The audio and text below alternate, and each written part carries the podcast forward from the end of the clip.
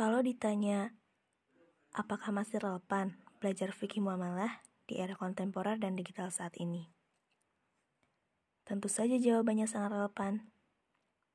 Dalam Islam, kita mengenal hubungan antara makhluk dengan Allah, atau yang biasa kita sebut ibadah. Di dalam Islam, juga mencakup hubungan antara makhluk dengan makhluk. Ini yang disebut muamalah. Muamalah adalah hubungan antara makhluk dengan hak makhluk. Sebagai manusia, kita tidak terlepas untuk berhubungan dengan manusia lainnya.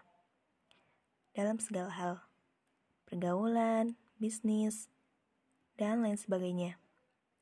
Itulah kenapa kita disebut sebagai makhluk sosial. Sebagai seorang muslim, kita dituntut untuk mengetahui apa yang diwajibkan dan apa yang dilarang oleh Allah terhadap kita.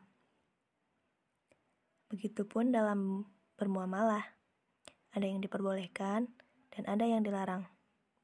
Dalam fikih muamalah, ada fikih muamalah maliyah, yaitu hukum-hukum muamalah yang berkaitan dengan urusan harta.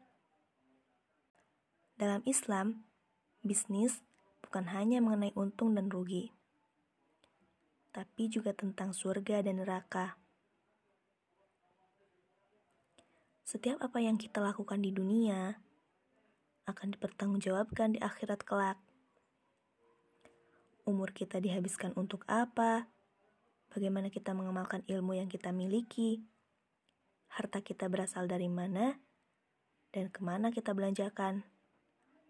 Setelah digunakan untuk apa tubuh kita. Semua akan dipertanggungjawabkan di akhirat kelak. Belajar fikih muamalah sangat penting untuk mengetahui hukum antara halal atau haram suatu perbuatan. Dalam hal ini, muamalah.